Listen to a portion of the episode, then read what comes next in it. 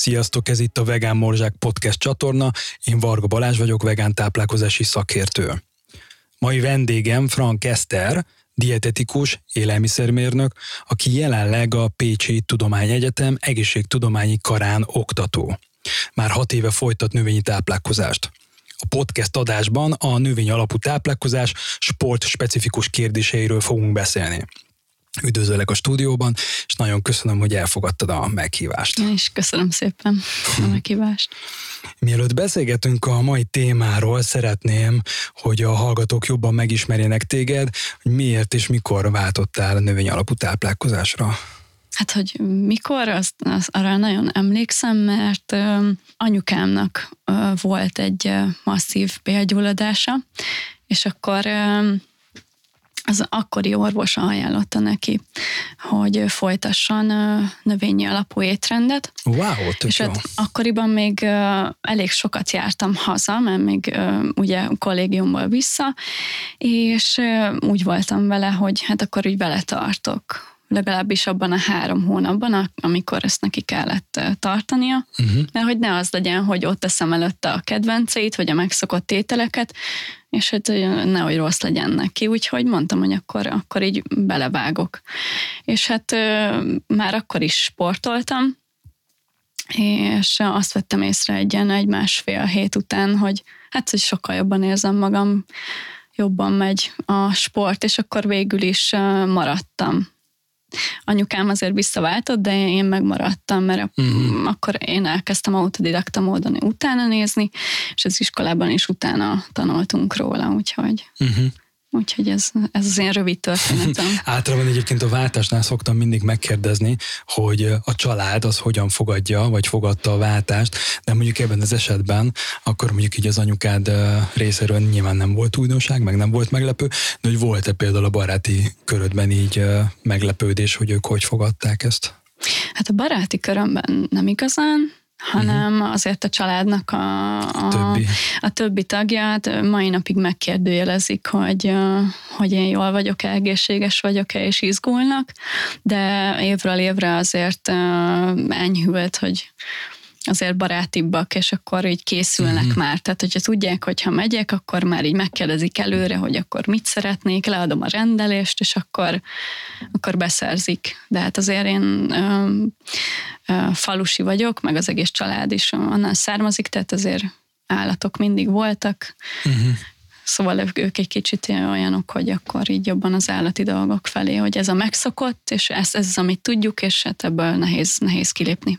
Igen, és meg az az érdekes, hogy még akkor is megkérdőjelezik, amikor tudják, hogy neked ez a szakmád. Persze. És hogy még akkor is, hogy akkor ez biztos jó, biztos egészséges. Hát otthon sajnos nem lehetünk proféták, tehát én mindig, én mindig Igen. mondom, kérdezik is, ugye biztos, hogy jól állítod össze, mondom, biztos, hogy jól állítom hmm. össze. Hmm.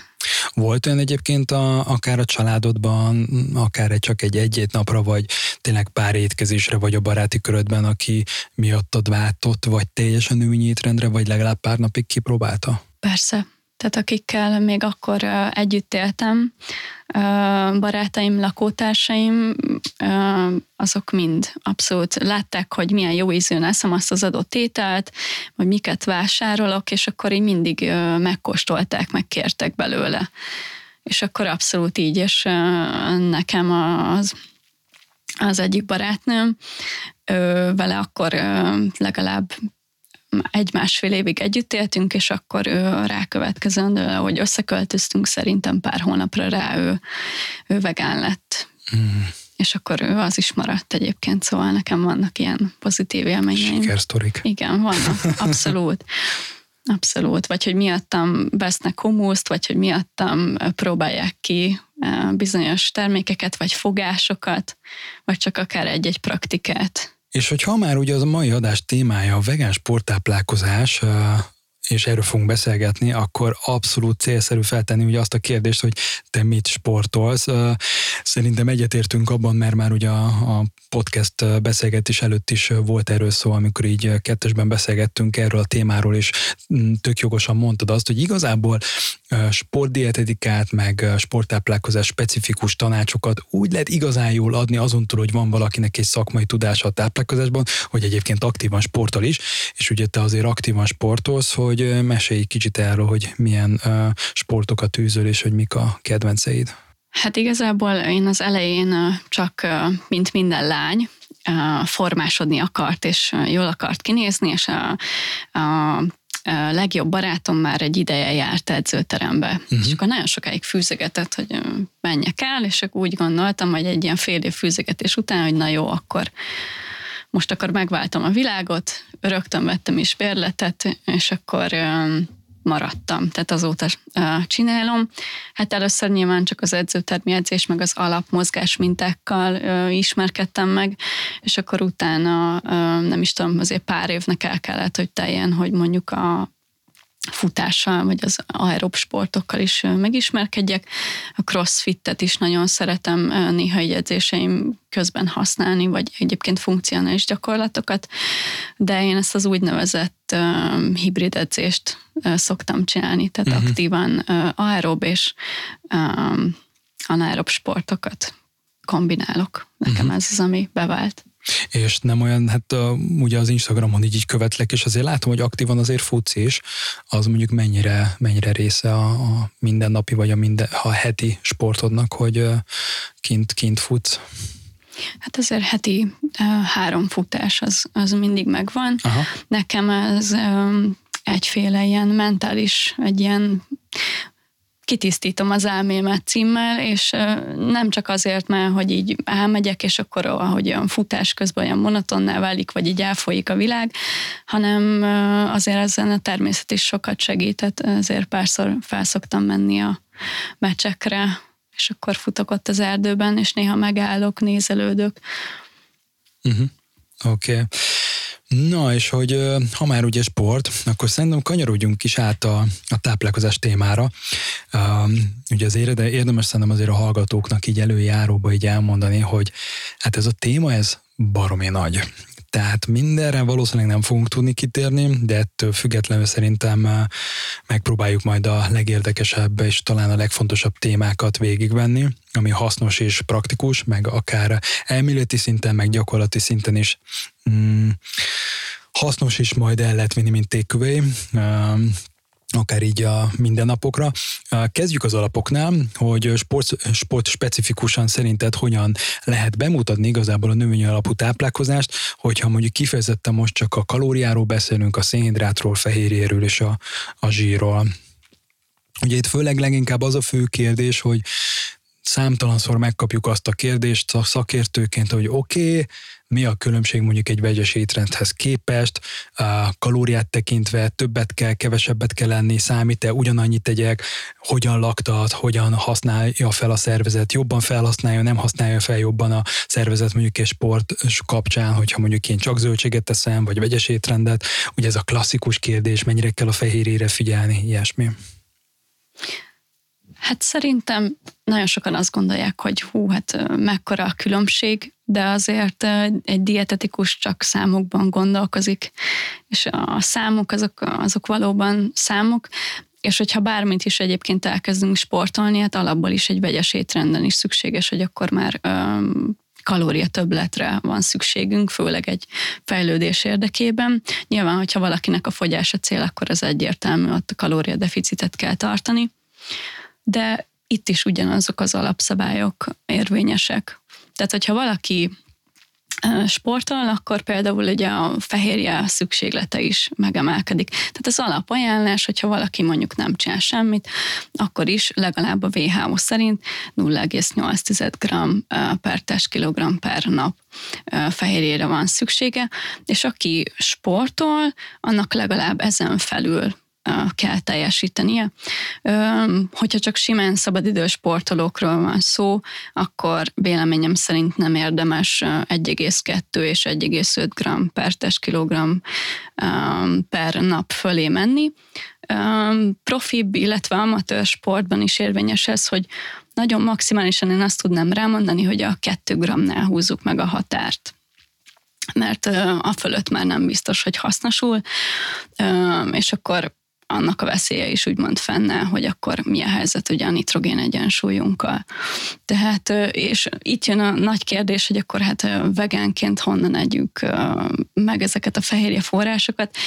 Hát igazából mondjuk, ha azt mondanám, hogy a zsírok olajok, amik ki vannak vonva, azokban valójában nincs meg mondjuk egy sima asztali cukorban, de hát az alapnyersanyagok ö, nem úgy tartalmaznak ö, makrotápanyagokat, hogy akkor most csak szénhidrát, csak fehérje, csak zsír, hanem ilyen pakokban esszük, és ez összeadódik. Nyilván vannak olyan növénynyersanyagok, tehát akár, hogy említjük a hüvelyeseket, tehát mondjuk a bab, vagy akár a lencsefélék, tehát ezeknek teljesen magas a fehérje tartalma, mondjuk ugye 100 g-ra vonatkoztatottan, hogyha meg összehasonlítjuk mondjuk egy csirkemellel, ami 20-24 g fehérje per 100 g, ahhoz képest mondjuk egy, egy vörös lencse az 22-26 g. Tehát, és hogyha mondjuk készítünk ebből egy vörös lencse krémlevest, akkor már pikpak meg vagyunk, mert azt a mennyiséget, amennyihez kell egy adagra egy leveshez, mondjuk vörös lencse, akkor már ezt ki is pipálhatjuk. Illetve a gabonaféléket is mindig elfelejtik, hogy azokban is igen magas a fehérje, főleg az abban, vagy esetleg hajdinában, vagy az ágabonákban, mint a, a, a kinoa vagy az amaránt, tehát ez, ezek mind összeadódnak. Nyilván az olajos magvakat is említhetjük, csak ugye ezeknek magasabb az energiasűrűségük, és uh, ilyenkor ezeket uh, fenntartással kell kezelni.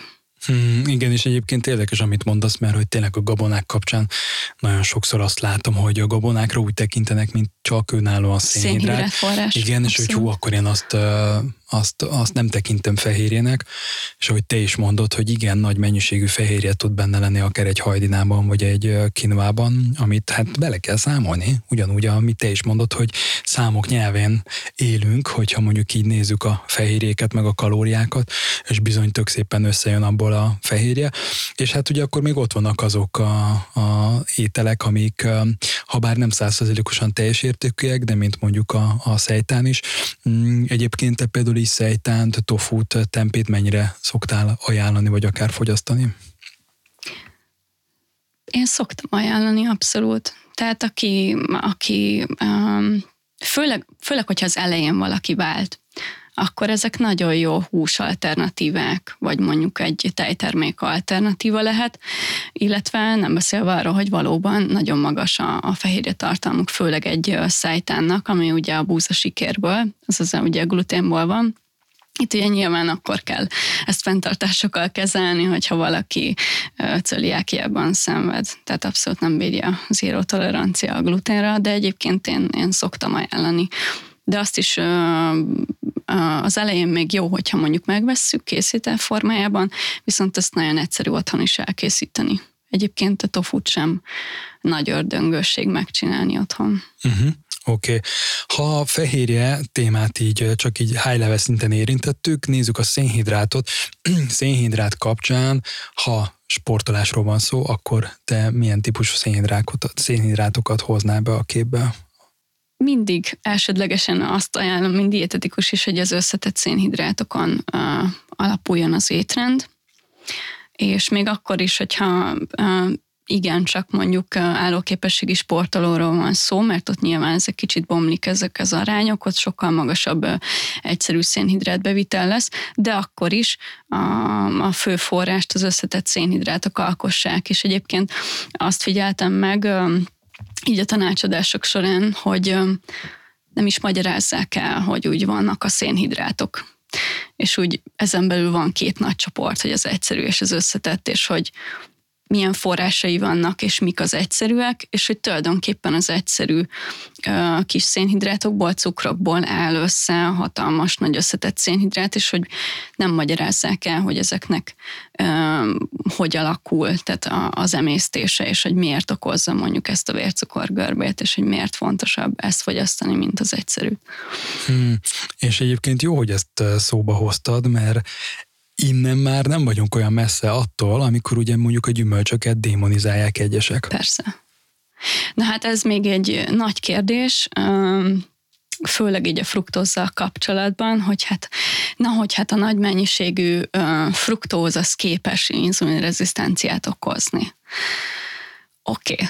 de ez melyik fruktózra érvényes? Tehát, hogy illetve hogy milyen formában, mert nem mindegy, hogy milyen formában, tehát megvan az az adott napi mennyiség, amit legalább két hétig kellene ahhoz fogyasztani, hogy esetleg kialakulhasson, vagy a rizikó felmerülhessen az inzulinrezisztenciára. Na most gyümölcsökből ennyit bevinni szinte csak a, a nyers étkező, konkrétan frutáriánus vegánoknak lehetséges, de egyébként nyilván ott sem veszünk észre jellegű betegségeket, bár erre még kutatás nincsen. Viszont nagyon sok mindent még nem tudnak a sztadik. Tehát, hogy a fruktóz önmagában tényleg oké, okay, felszívódik, kész, megértettük.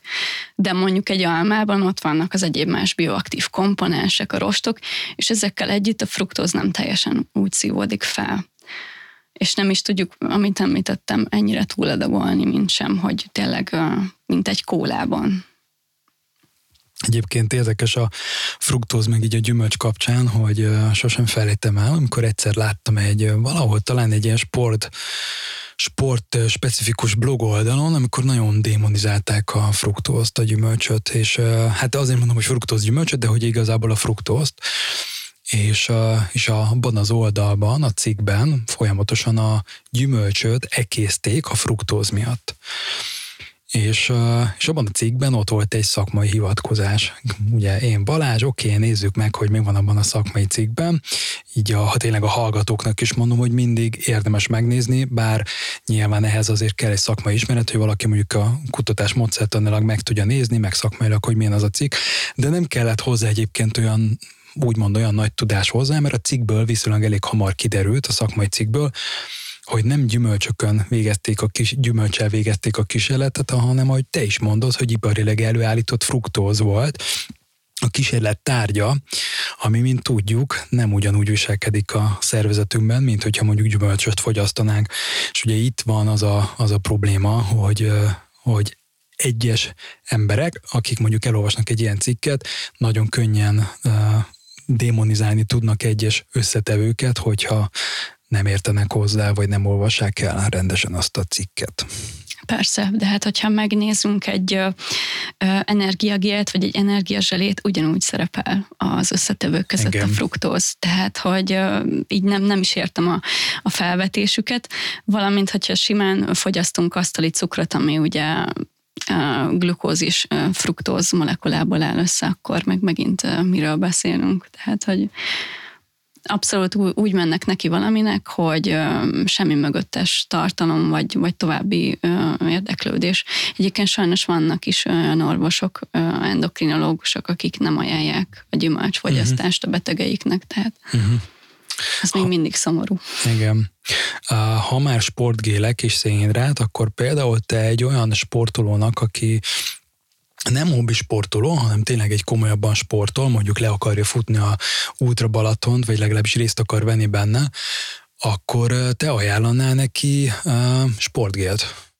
Ajánlanék neki. Nyilván először meg kellene vizsgálni, hogy mennyi távot fog futni, mennyire edzett, tehát abszolút nagyon sok dolog felmerülhet, viszont ajánlanék neki, mert ugye, hogyha egy versenyről van szó, akkor az nem alacsony intenzitás, hanem egy sokkal magasabb intenzitás, egy versenytempó, ami pedig azt jelenti, hogy ott az energiaforrásunkat nem leginkább zsírból fogjuk fedezni, hanem miből? Szénhidrátból, ugye izomglikogénből, és hát az véges egy ilyen magas intenzitású edzésnél annak a mennyisége az, az véges, és azt csak úgy tudjuk fedezni, hogy folyamatosan külső forrásból kell bevinni. De egyébként nyilván az a cél, minden sportolónak az a célja, hogy minél kevesebbet, vagy hogy minél ritkábban kelljen frissítenie, mert egyébként van az az intenzitás már, meg van az a nem úgymond, hogy ha nem elég edzett, akkor nem, nem tudunk annyit fedezni egyszerűen uh-huh. ezekből a gélekből, zselékből. Szóval igen, kell, csak megvan a, a helye és a mennyisége. Tehát ide is vannak ugye guideline-ok, hogy mondjuk óránként 30-60 g szénhidrát, és mondjuk még magasabb intenzitásnál szóba jöhet akár a 80-90 g szénhidrát, viszont ez nem mindenkire érvényes, és arra se érvényes, hogy mondjuk a, a versenyző az most tényleg versenyzik, vagy egy sima edzése van mondjuk otthon. Uh-huh. Ez tök jó, hogy mondod, mert mert igazából én is egyébként abszolút egyetértek ezzel, és uh, csak hogy ugye itt mindig tényleg érdemes, hogy mindig azért próbálom így kicsit itt transformálni a hallgatóknak, hogy nyilván ez a hallgatók felé, akik nem sportolnak, vagy csak hobbi sportolók, és mondjuk tényleg elmegy egy fél órát futni, akkor ez nem erről szól, hogy akkor én most a fél órás 40 perces Margit sziget alatt tömjem magamba a, a gélt, mert ezek kifejezetten uh, hát mondhatjuk úgy igazából, hogy azért az Ultra Balaton is, meg az ilyen nagyon extrém sportok is extrémnek számítanak, tehát ö, olyan sportnak, ami, ami teljesen más étrendet kíván, és, ö, és csak az adott időben, tehát arra az x napra ö, érdemes ezt Igen. használni és alkalmazni, de nem úgy, hogyha én elmegyek kirándulni a bőzsönybe, akkor sportgélt vigyek magammal, mert közben nem vagyok képes egy gyümölcsöt megenni. Igen, meg ö, visszatérve tényleg ezekre a sportgélekre, zselékre, hogy ezeknek a fogyasztását gyakorolni kell. Uh-huh.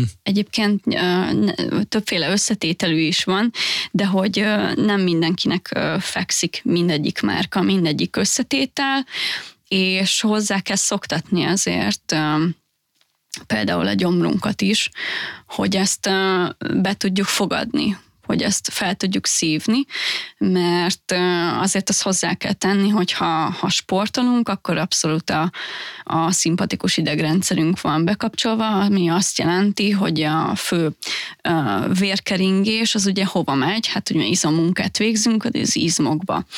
Tehát kevesebb vérkeringés fog lenni alapvetően ugye mondjuk az emésztő traktusunkba, és hogyha mondjuk megnézzük ennek az ellentétjét, hogy a paraszimpatikus idegrendszer, tehát az angol is mondja, hogy rest and digest. Tehát akkor ez itt tök jól működik. Uh-huh. És azért ugye nyilván az egyszerű cukroknál van egy bizonyos limit, bizonyos intenzitás, tehát ezeket tök jól csak szinte fel kell szívni, nem kell emészteni, de akkor is gyakorolni kell pont azért, hogy, hogy nehogy esetleg visszafelé jöjjön, vagy esetleg, hogyha tovább kerül maga a, a GL, és mondjuk nem ittunk rá megfelelő mennyiségű folyadékot, mert ugye az igen magas koncentrációban tartalmaz az egyszerű cukrokat, és lejut mondjuk a, a vékonybélbe, akkor ott nagyon jól egy kis ozmoláris hasmenést is tud uh-huh. indukálni sportolóknál, szóval ezeket mind figyelembe kell venni. Mi a leggyakoribb hiba szerinted, amit így elkövetnek? Pont ez, hogy nincs meg ez a hozzászoktatás? Igen. Tehát, hogyha tudjuk, hogy versenyre megyünk, akkor kell olyan edzéseket beiktatni, nyilván nem az összes edzést, de hogy kell olyan edzést beiktatni, amikor szó szerint gyakoroljuk a frissítést illetve gyakoroljuk, mert valakinek mégsem mondjuk az a márka, vagy esetleg állag fog beválni. Valakinek sokkal jobban megy a kicsit szilárdabb irányú, és valakinek meg sokkal jobban fekszik a, a folyadék. Uh-huh. Mennyire tartott fontosnak, hogy sportág specifikusan legyen összeállítva az étrend?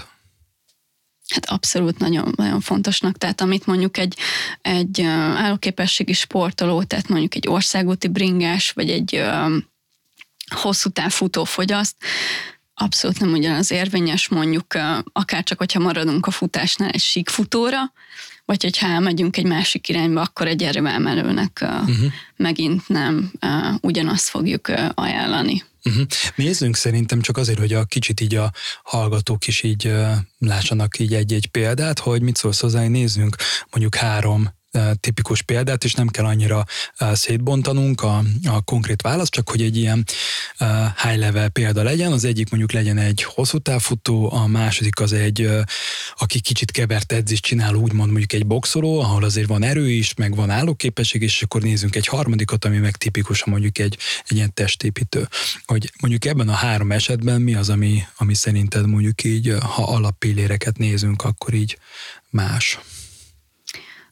Hát ö, abszolút más lesz a kalóriabevitel, ott is nyilván egyébként azt figyelembe kell venni, hogy mindenhol edzésszámot, eltöltött időt fogunk nézni, de mondjuk, hogyha maradunk először csak az energiabevitelnél, akkor tényleg mondjuk az állóképességi sportolóknál, tehát ott vannak simán olyanok, hogy lazán egy ezer kalóriás edzés. Tehát ott azért be kell vinni azt a többlet energiát, meg a sportoló el is használja. Viszont, hogyha már valaki csak úgy szimplán van ilyen okos órája, manapság már elég népszerű, lemegy edzeni az edzőteremben, oké, okay, hogy magas intenzitáson mondjuk leedzett, de mégsem lesz annyi, mégsem fektetett be annyi energiát, tehát hogy maximum egy ilyen, ha nagyon jól csinálja, akkor 200-300 kalóriát tudott elégetni azzal az edzéssel. Még akkor is, hogyha két, kétszer edz egy nap, mert mondjuk versenyre készül, vagy vannak céljai, mondjuk egy edzőtermi, akkor, akkor is kevesebb lesz, tehát ott az energia az abszolút különbözik, illetve hát utána tovább menve, hogy a makrotápanyagoknak az aránya is változik, tehát a, az állóképességi sportolóknál lesz a legmagasabb a, a szénhidrát forrás, tehát ilyen minimum 60-nál, 60 százaléknál ugye az energiának húznám meg a határt, és ez felmegy 75-ig, és ott uh, nyilván uh, kevesebb lesz a fehérje és a zsíraránya, és mondjuk egy um, tovább menni a kategóriáknál, tehát mondjuk a boxolónál ez egy ilyen fog egyébként csökkenni, de ott a maximum egy ilyen 60-65 százalék lesz, mondjuk ha csak a szénhidrátot nézzük, és mondjuk a testépítőnél lesz a legkevesebb szénhidrát és akkor ott lesz kicsit magasabb a fehérje. Tehát, hogy ez így pont így szépen tud alakulni, ezek, hogyha megnézzük ezeket a sportágakat, hogy főleg a, a, ami leginkább csak erős sport, akkor ott minél kevesebb szénhidrát, kicsit magasabb a zsír és magasabb fehérje. Viszont ahogy megyünk feljebb, ezek az arányok inkább a szénhidrát irányába mozdulnak. Uh-huh.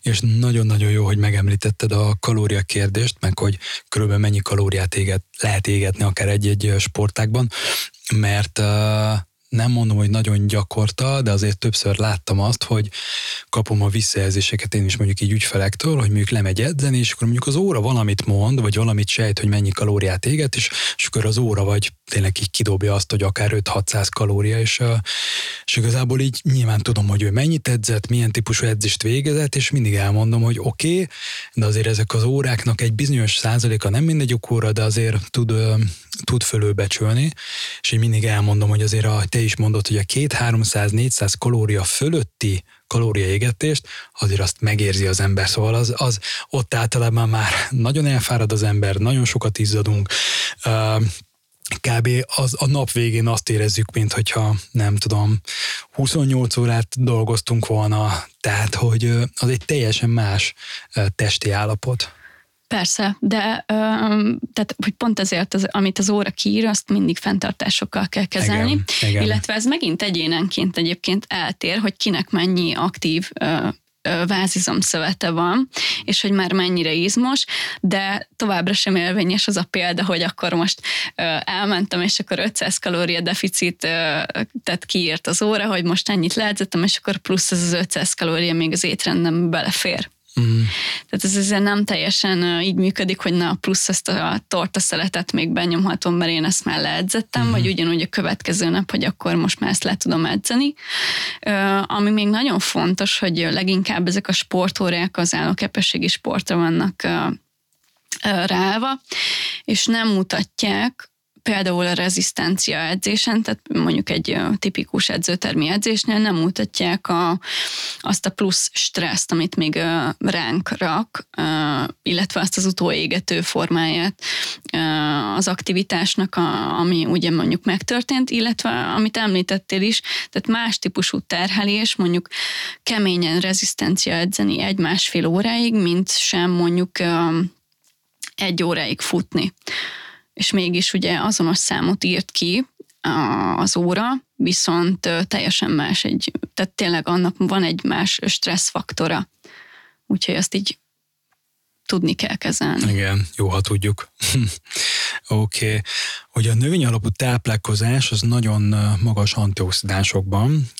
Kutatások szerint átlagosan 64-szer több található meg bennük, mint az állati eredetű ételekben.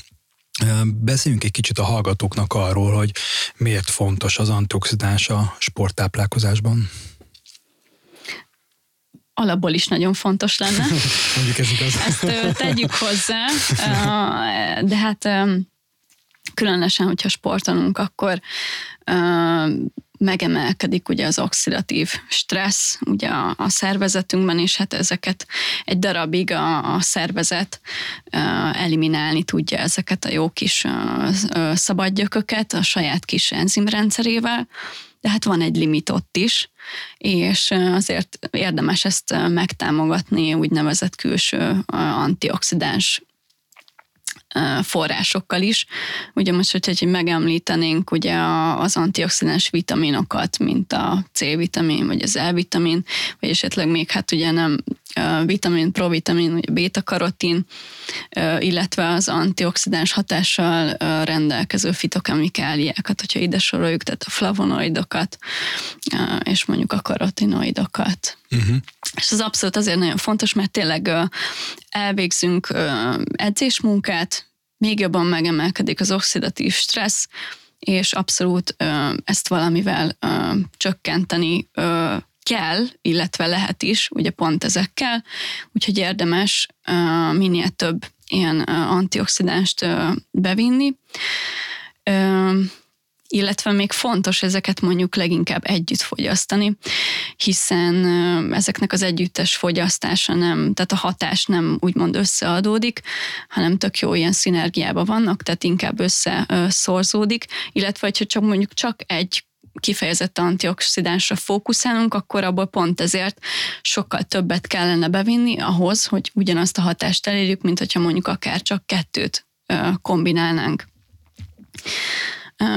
És még azt is nagyon fontos megemlíteni, hogy ezt nem nyilván kivont étrendkiegészítő, szóval kapszula formában célszerű ezt bevinni, mert ahogyan fruktóznál említettük, mondjuk az egyik nagyon népszerű ugye beta-karotin vagy a szulforafán, tehát kivont formában ő egyedül teljesen más, hogy ö, ö, teljesen más hatással van, ö, valamelyik akár ellenkező hatást is tud ö, mutatni, ahhoz mértem, mint hogyha ezt mondjuk a szulforafán tök jól a brokkoliban megennénk, mert mondtam, ezek a bioaktív anyagok még nem teljesen ismert, hogy együttesen hogy szívódnak föl, és hogy miért ilyen hatásuk.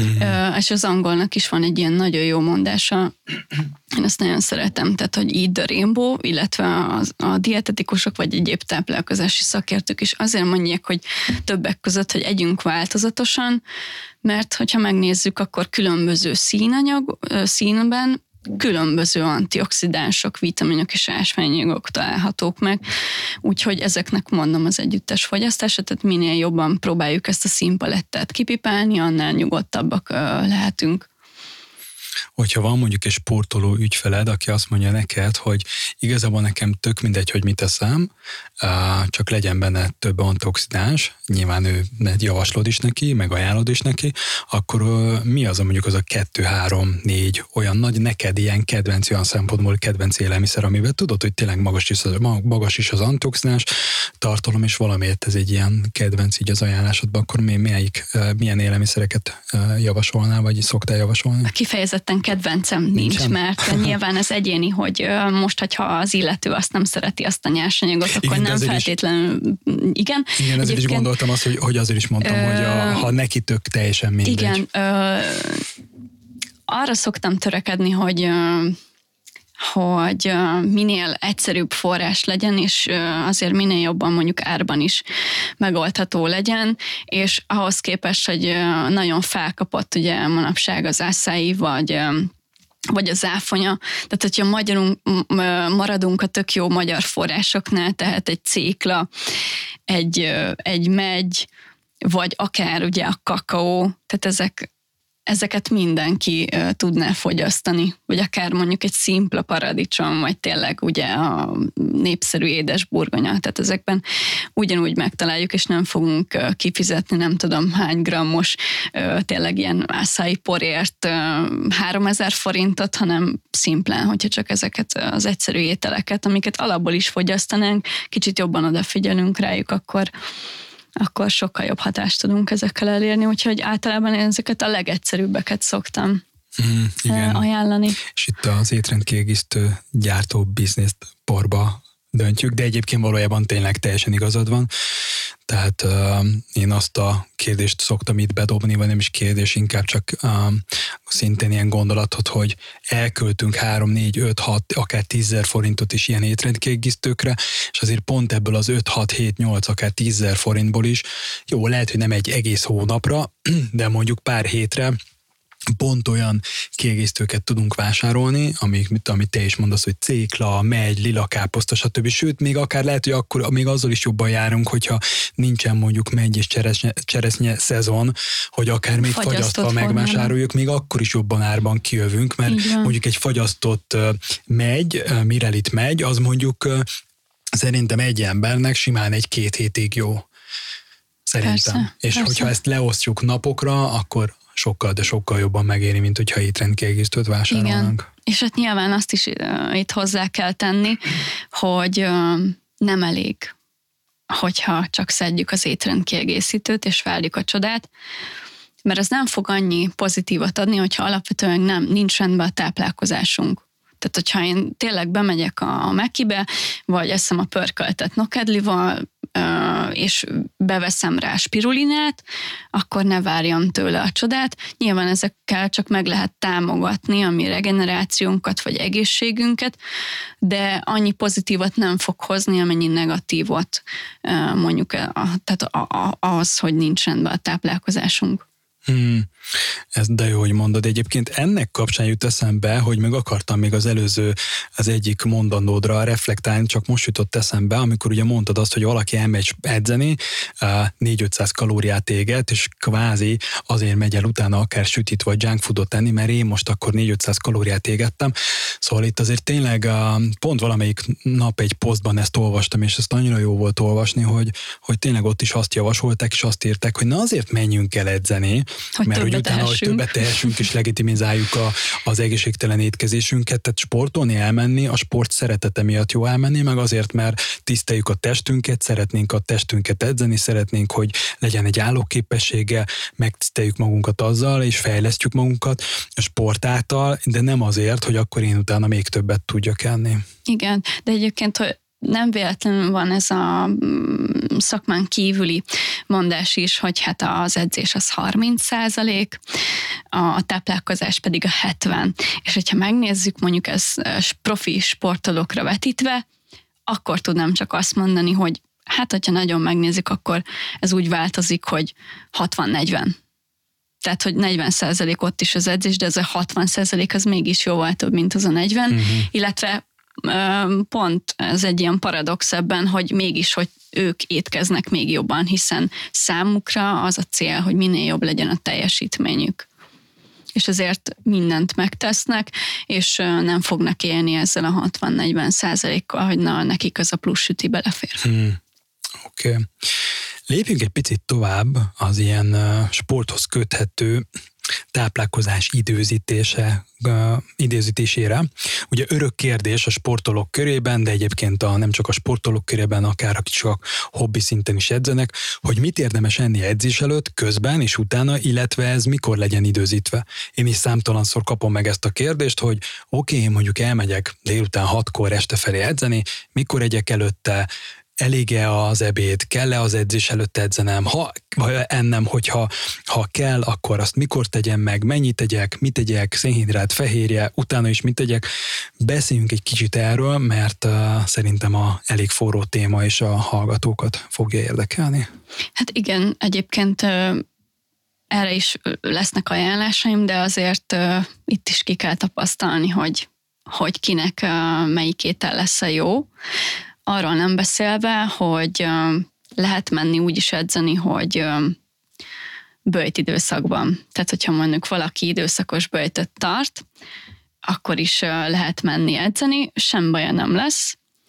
Nyilván azért ezt gyakorolni kell, és nem is mindenkinek ajánlom, tehát valóban ez, ez célokhoz kötött.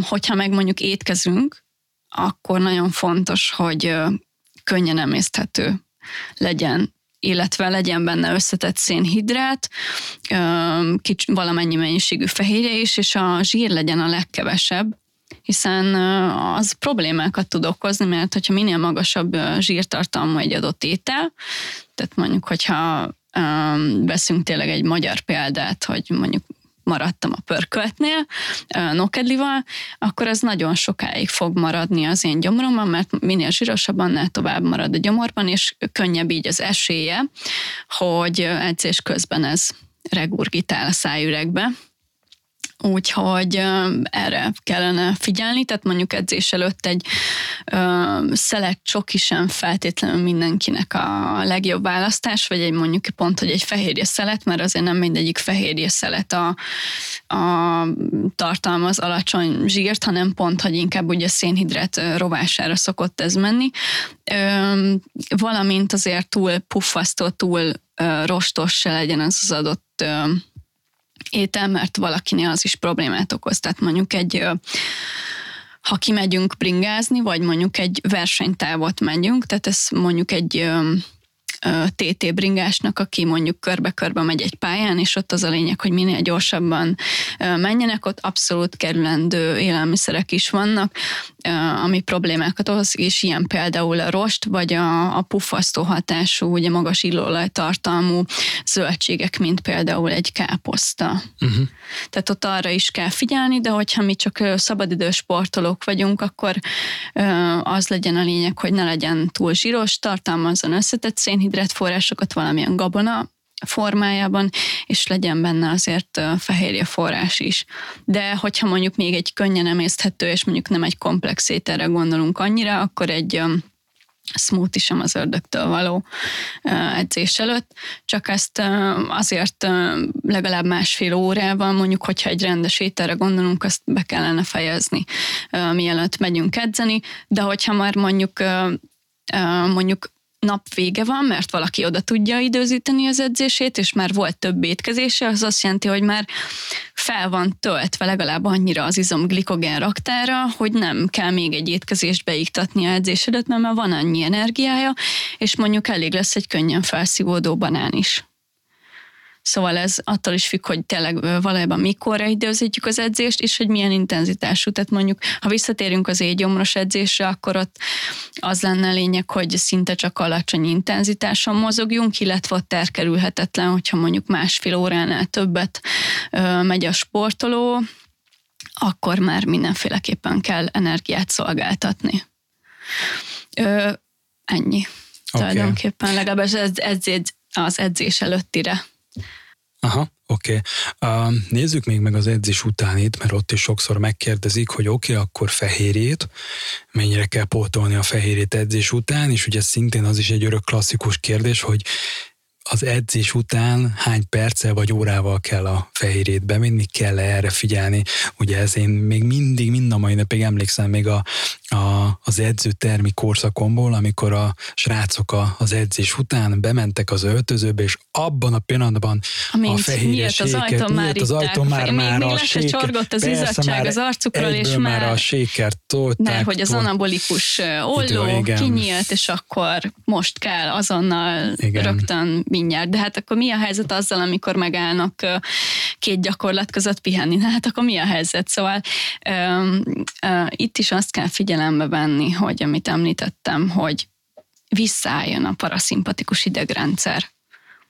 Tehát, hogyha az, az nem elvissza megfelelően, de ezt magunkon ott tudjuk igazán érezni, hogy visszaáll a pulzusunk, visszaáll a légzésünk, már nem vagyunk annyira kimelegedve, és amikor úgy kezdjük érezni, hogy most már úgy tudnék enni, na akkor úgy érezzük, hogy visszakapcsolt ebbe az emésztő funkcióba, funkciójába a szervezet, és olyankor érdemes bevinni a rögtön az energiát, tehát hogyha valaki már egyébként volt egy keményebb edzésen, nem is érzi egyébként, hogy éhes. És minek erőltessük egyébként, hogyha amúgy sem tud rögtön megemésztődni, valamint ugye azt, tehát ne felejtsük el, hogy a sportolók ilyenkor azt hiszik, hogy oké, okay, edzés után megittem a fehérjeséket, akkor az rögtön beépül. Hát de a könyörgöm, az egy fehérje, azt még meg kell emészteni, még be kell építeni. Tehát a fő regeneráció az este fog megtörténni, amikor ő alszik. Tehát az, amit megiszik fehérjeséket, az oda nem fog beépülni rögtön egyből. Tehát nem ilyen gyors a szervezet, nem így működik. Úgyhogy, illetve azt felejtik még el, hogy edzés után nem csak fehérjére van szükségünk, hanem elhasználtuk a glikogén raktárunkat, tehát ergo szénhidrát forrásra is szükségünk van, tehát ennek a kombinációja tök jó, és hát az, az lenne megint itt is a lényeg, hogy nem mindenkinek válik be, hogy rögtön egy ilyen nehezebben emészthető ételt tegyen, hanem olyan azt szoktam ajánlani a sportolóknak, de hogyha megfigyeljük a, akár az itthoni magyarországi mondjuk testépítőket is, vagy bármilyen más sportolókat, tehát egy kisebb, könnyű étkezésük van, mondjuk rögtön miután visszaállt a paraszimpatikus idegrendszerük, tehát mondjuk nagyon népszerű egy ilyen uh, riskása mondjuk, amit valaki sajnos vagy nem sajnos ugye fehérreporral uh, dúsít, illetve ide raknak még gyümölcsöket, plusz egyébként az antioxidáns miatt, valamint ugye megint szóba jött a fruktóz, tök jól visszaépíti mondjuk az izomglikogént, májglikogént, szóval az a tök jól vissza lehet úgymond tölteni, illetve azért mondjuk a rizs, mert ugye összetett szénhidrát és könnyen emészthető, valamint nyilván a fehérjeség is, és akkor eltelik egy egy másfél óra, vagy akár kettő, és akkor már lehet tenni egy komplexebb, nagyobb étkezést. De nem ajánlok senkinek se, hogy rögtön, nem tudom, rögtön ilyen vörös lencse cséből készült bolonyait tegyen, hanem előtte egy kicsit valami könnyebben felszívódott, vagy mm. esetleg gyümölcsöket, vagy esetleg tényleg oda egy ilyen turmixot bele lehet iktatni, illetve úgy is össze lehet rakni egy ilyen turmixot, hogy nem kell feltétlenül fehérjeport beletenni. Hmm. Kíváncsi vagyok annak kapcsán a véleményedre, mert szintén a sport utáni étkezésnél felszokott merülni az a kérdés, hogy ha valaki a munka után későn tud csak elmenni edzeni, tehát mondjuk egy példát, hogy hétkor, fél nyolckor, este nyolckor elmegy edzeni, és mondjuk egy kilenc fél, fél tízkor végez, és legalább az egy tök pozitív dolog, hogy elmegy, és nem arra hivatkozik, hogy nincs ideje, és elmegy este edzeni, és akkor ugye sokszor olvasható az az interneten, és van egy-egy szakértő még azt is, aki azt mondja, hogy igen, de 6 hét után már ne nagyon, e, ne nagyon együnk, na de akkor ilyen esetben te mi, mi az, amit szoktál ajánlani, hogyha táplálkozásról van szó? Hát ez így nincs. Mert mindenkinek más a bioritmusa, úgyhogy teljesen másra van ráva, tehát valaki éppen tényleg ez a pacsírta típus, valaki még pont, hogy az ellenkezője. A napi kalória bevitel számít, illetve a makrotápanyag, mikrotápanyag bevitel számít. Nyilván vannak erre olyan sztadik, hogy mikor jobb az inzulinérzékenység, meg hogy kicsit más, uh, hogyha valami adott ételt mondjuk reggel fogyasztok, mint mondjuk este, de akkor is a, a nap végén az számít, hogy mi az az adott fix, úgymond tényleg számokban, amit bevittünk, vagy sem. Szerintem ilyenkor az a legnehezebb, hogy egyébként bármilyen edzés után nem csak az, hogy mondjuk ezt este végeztük, vagy nem, de azért, aki úgy többszöri, vagy már rendszeresen sportol, azért úgy érezzük, hogy én úgy szoktam mondani, hogy ez egy nyíl, nyílik a hűtő. Mm, és akkor igen. ilyenkor ez egy kicsit úgy... úgy Majd szoktam azt mondani, hogy akkor nem igen. volt elég kemény az edzés, igen, hogyha nem érzed, igen. hogy ilyes vagy. Igen, szóval ezért úgy, úgy tudnánk enni, és mondjuk ez pont mondjuk egy uh, ugye napi utolsó edzés, és akkor hát az utolsó étkezés azért ne legyen olyan megterhelő, de ez inkább az alvásunkra van hatással. Nyilván egyébként meg közvetve így a regenerációnkat is uh, uh, meg tudjuk egy kicsit uh, csappantani vele, mert hát ugye nyilván, hogyha mindenki tudja, hogy telesszük magunkat, akkor nem biztos, hogy olyan minőségű és mennyiségű lesz a, az alvásunk, ami ennek kell lennie, és hogy hát ugye nyilván az egyik legjobb regenerációs technika a táplálkozás mellett, mondjuk az alvás. Igen, egyébként teljesen egyetértek azzal, amit mondtál, plusz talán még esetleg annyit egésztenék ki, hogy, hogy amit mondtál, és hogyha valaki olyan edzést végez, és tényleg érzi, hogy nagyon-nagyon éhes edzés után, akkor szerintem kevés olyan sportoló van, aki legalább egy kisebb adagot nem fog enni, mert, mert hát egyszerűen érzi, hogy kell, és, és pláne, hogyha mondjuk tényleg mondjuk akár egy testépítőről van szó, akinek matek szerint kellene azért még egy kicsivel több kalóriát tennie, hogy azért az izomzatát építse, akkor igen, akkor azt szerintem belefér, és még akár olyan áron is, hogy akkor mondjuk ő este 9 vagy fél tízkor egy könnyed vacsit még megeszik. Igen, de hogyha mondjuk azt veszük, hogy valaki mondjuk kifejezetten fogyni szeretne, és hogy nem eszik semmit edzés után, azért ennek is vannak veszélyei. Uh-huh. Tehát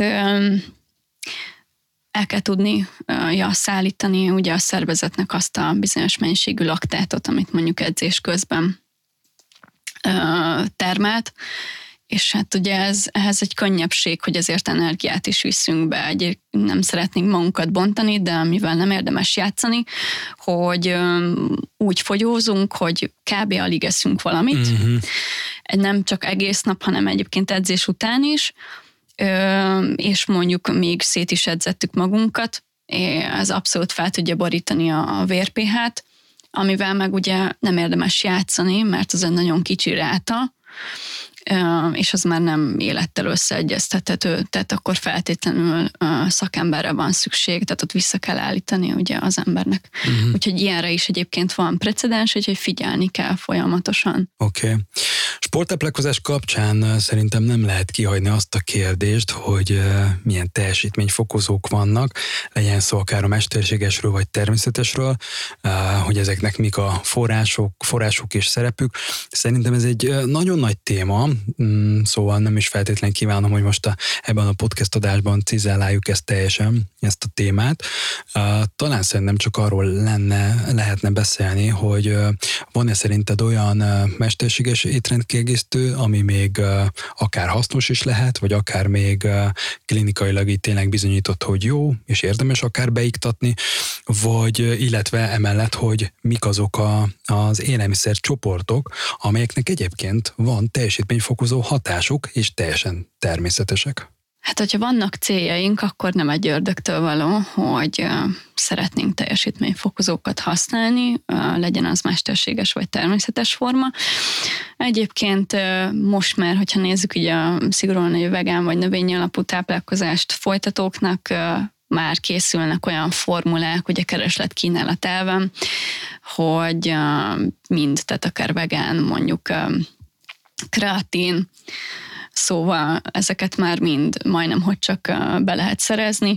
Mondjuk én bevallom őszintén, ennek pont nem néztem utána, hogy mondjuk esetleg béta-alaninból van-e vegán formula, mert ez leginkább alapvetően is az állati eredetű termékekben található meg, ugye béta-alanin, de egyébként már szinte majdnem az összeset lehet kapni vegán formában, illetve hát ugye én dietetikus vagyok, tehát nekem az a szakmám, hogy leginkább ugye az ételekből, a nyersanyagokból próbáljam ezeket fedezni, és hogyha valaki kifejezetten óckodik attól a dologtól, hogy mondjuk mesterséges, vagy nem akar egyszerűen annyira teljesítményt növelni, csak egy picit megtámogatni az ő edzését, akkor tök jó növényi források is vannak.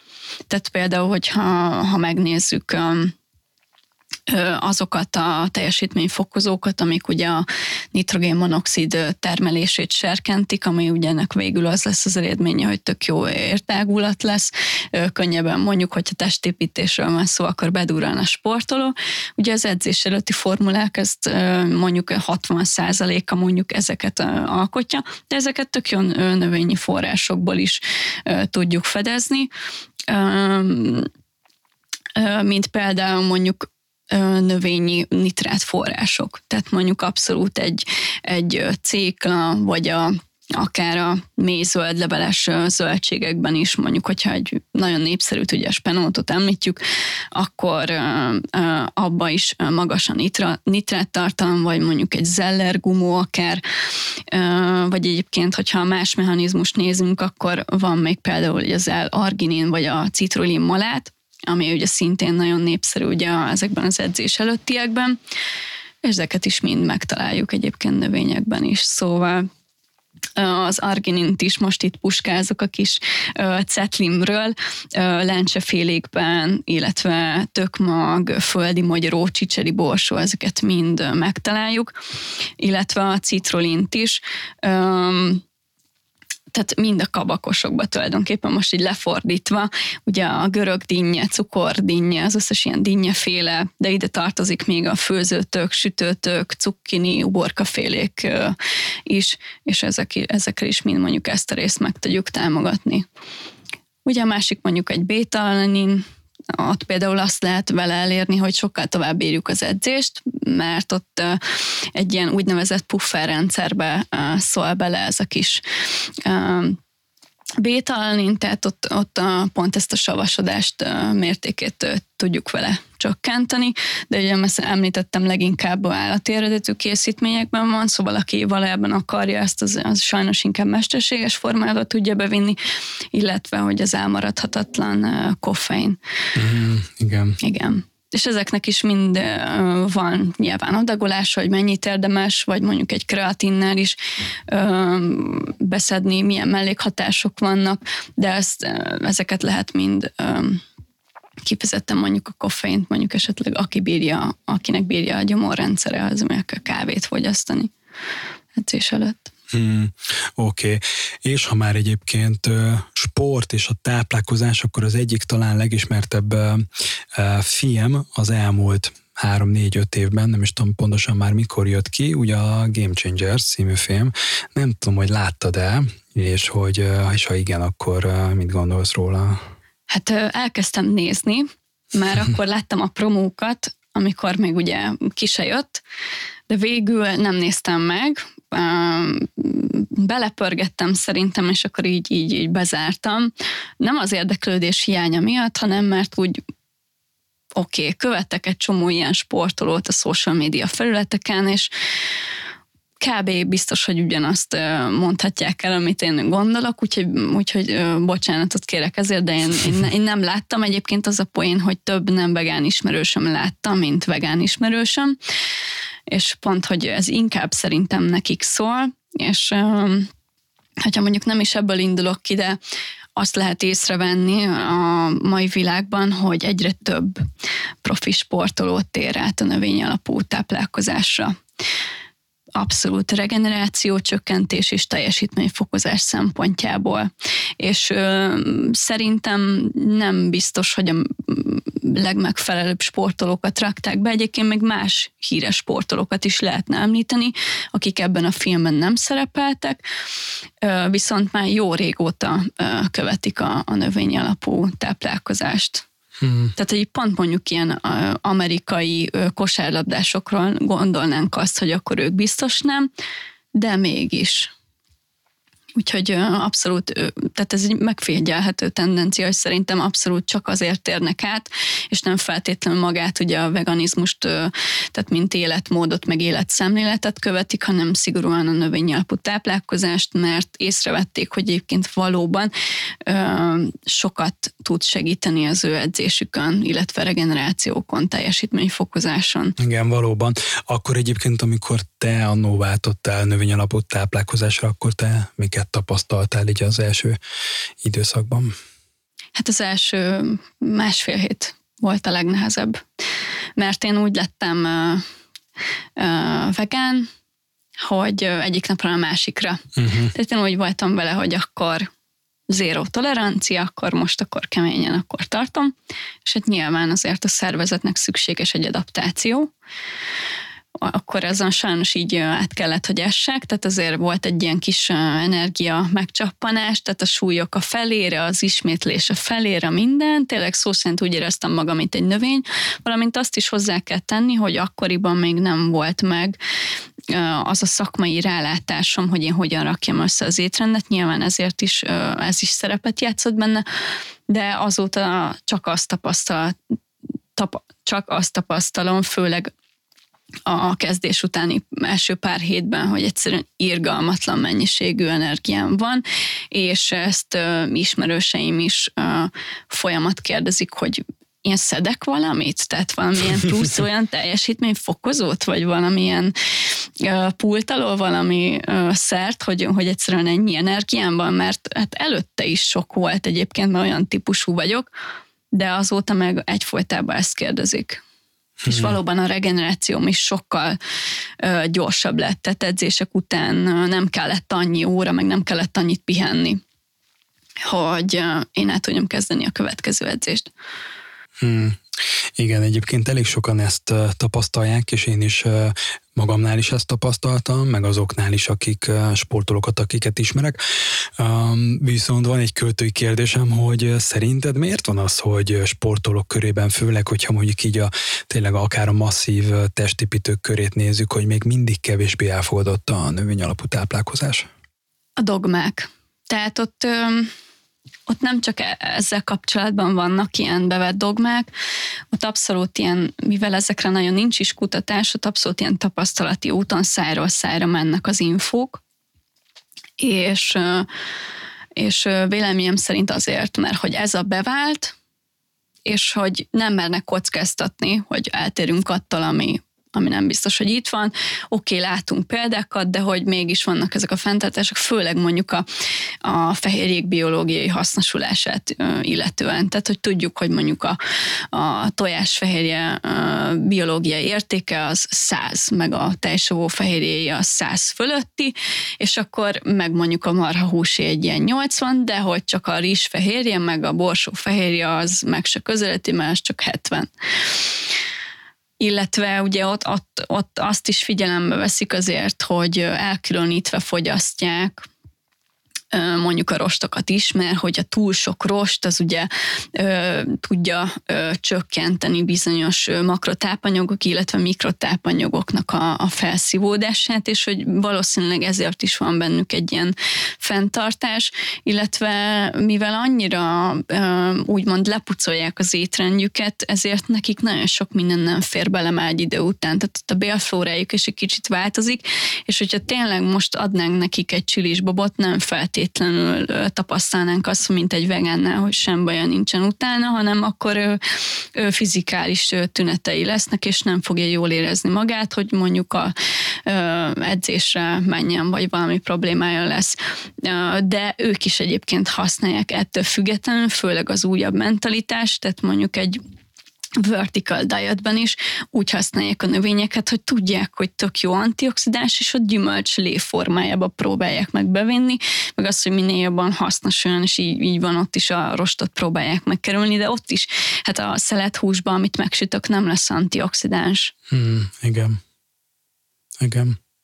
Hogyha egy sportoló mondjuk oda menne hozzád, és megkérdezni, és nyitott lenne a növény alapú táplálkozásra, és megkérdezni, hogy miért próbáljam ki, és tényleg mondjuk csak így egy-kettő mondatot kellene mondanod, vagy szabadna mondanod, akkor mit mondanál? Abszolút ezeket mondanám, mint előtte, hogy a, regeneráció és a teljesítményfokozás érdekében, és hogyha lennének is fenntartásai azzal kapcsolatban, hogy most akkor ö, valóban mondjuk én kálciumhiányos, vashiányos leszek, akkor akkor bőven vannak érveim, hogy ez nem így van. De egyébként a példákat szoktam felhozni, és hogy, hogy nézd meg, ezt, meg ezt, meg ezt a sportolót, és hogy tessék, itt van az eredménye. Sőt, olyanokat is lehet bemutatni, akik soha életükben nem ettek mondjuk húst. Uh-huh. Tehát mondjuk nagyon népszerű volt annó, még amikor én váltottam, mondjuk egy Nimai Delgado, tehát ő alapból is úgy nevelkedett, hogy vegetáriánus volt, tehát soha nem evett mondjuk húst, tehát és hogy lehet a hús nélkül is ugyanúgy fejlődni, és De hogyha nem is ajánlanám egyébként rögtön, tehát minél több növény, tehát e, ez, ez evidencia már, hogy minél több növény, annál jobb hatást tudunk elérni. Nyilván az edzés tervezés, meg az edzés munka is számít, de, de abszolút ezt mondanám neki. Mm, Oké. Okay. Tervezés, mennyire szoktál magadra főzni, és hogyha igen, akkor uh, mi az, ami így mondjuk egy héten mindig oda kerül a tányérod elé, mint kedvenc étel? Hát én szinte mindig főzök. Alapból is nagyon szeretem, mert kikapcsol. Jó példát mutatsz mindenkinek, mint dietetikus. De, de mm, meg egyébként szerintem egy jó növény alapú étrenden élőnek, vagy egy vegánnak mindig fel kell készülnie, még akkor is, hogyha most, most minél több lehetőségünk van manapság, de, de mivel dietetikus is vagyok, ezért szeretem, hogy tudom, hogy miből válogattam össze, hogyan készítettem el, kicsit ilyen egészség és tudatosság fókusz van bennem, úgyhogy én, én nagyon szeretem, hogyha tudom, hogy mi van a tányéromon, és hogyan készült, és hogy mi van benne. Főleg egyébként nyilván ez a sportnál, tehát hogy nagyon nem tudunk olyan éttermet mondani, ahol az előbb beszélt kritériumoknak az megfeleljen feltétlenül az a az az adott étel, mondjuk akár, hogyha csak azt veszük, hogy tényleg egy, egy vegán étterembe bemegyünk, az nem feltétlenül ö, sporták specifikus, vagy ö, sport előttre, vagy utánra való ételeket jelenti. Hú, mennyire szívemből szólsz. Úgyhogy ö, Sajnos, aki ezt komolyabban akarja venni, annak én azt javaslom, hogy főzzön, vagy ismerkedjen meg a főzéssel, vagy hogy minél, legalább az, hogy minél többet próbáljon meg ő, és minél kevesebbet mondjuk rendelni, vagy étteremben, mert annak, mint mondtam, nem tudjuk az összetételét pontosan, hogy mit és meg hogy. Vannak erre kezdeményezések, ha jól láttam, akkor eddig csak Budapesten megy ez, illetve van egy ilyen országos ételkiszállító, ahol nyilván tudjuk nyomon követni, hogy milyen makrotápanyag, mennyi kalória, fehérje, zsírszén, de, de attól még a mikronutriensek, vagy hogy ez pontosan hogy készült, azt még mondjuk mindig nem de célszerű főzni, igen. Úgyhogy én, én főzök. Vannak kedvenc ételeim, én nagyon zapkáses vagyok reggel, meg ilyen édes szájú is, úgyhogy mondjuk az edzés utáni étkezésem már tényleg többször, sőt ugye az esetek 95%-ában én, én bőjt időszak alatt megyek edzeni, és akkor csak közben bontom meg a, bőti időszakot edzés közben, vagy esetleg, hogyha könnyű intenzitásról volt szó, akkor edzés után, és az uh-huh. nekem mondjuk egy ilyen tök jó dolog, hogy utána, mivel édesszájú is vagyok, a napi édességet letudtam, és mondjuk a, a, az apkásába ott vannak a, a vízadékony rostok, ott van az összetett szénhidrát, akkor abban néha, néha szoktam fehérjepart is egyébként tenni, tehát ott beviszem a fehérjét is, illetve ö, ö, magas ö, kakaótartalmú étcsokit szoktam, vagy esetleg kakaósan elkészíteni, és akkor még valamilyen gyümölcsel. Tehát, hogy az antioxidánsok is legyenek benne, a vas is legyen benne, mondjuk tök jól a csokiból, vagy a kakaóból. Tehát ez egy ilyen komplex étkezés legyen. Úgyhogy be, nekem az apkása az abszolút, ez egy ilyen top-top-top, ami szinte majdnem minden nap szerepel, vagy esetleg ugyanez, csak palacsinta formájában. Hmm, oké, okay, oké. Okay. Nekem is egyébként az apkás a nagy kedvenc, nekem meg még nekem a humusz, az majdnem mindig az nagy kedvenc. Jól van, szerintem sok témát érintettünk, és hasznos és fontos dolgokról beszéltünk. Mm, köszönöm szépen, hogy itt voltál. Köszönöm szépen, hogy elfogadtad a meghívást, és és hát a hallgatóknak meg tényleg csak annyit kívánok, hogy akik még nem próbálták ki a növény alapú táplálkozást, és aktívan sportolnak, hogy próbálják ki, és adjanak neki egy esélyt. Köszönöm szépen, hogy itt voltál. Én is köszönöm, hogy itt láttam.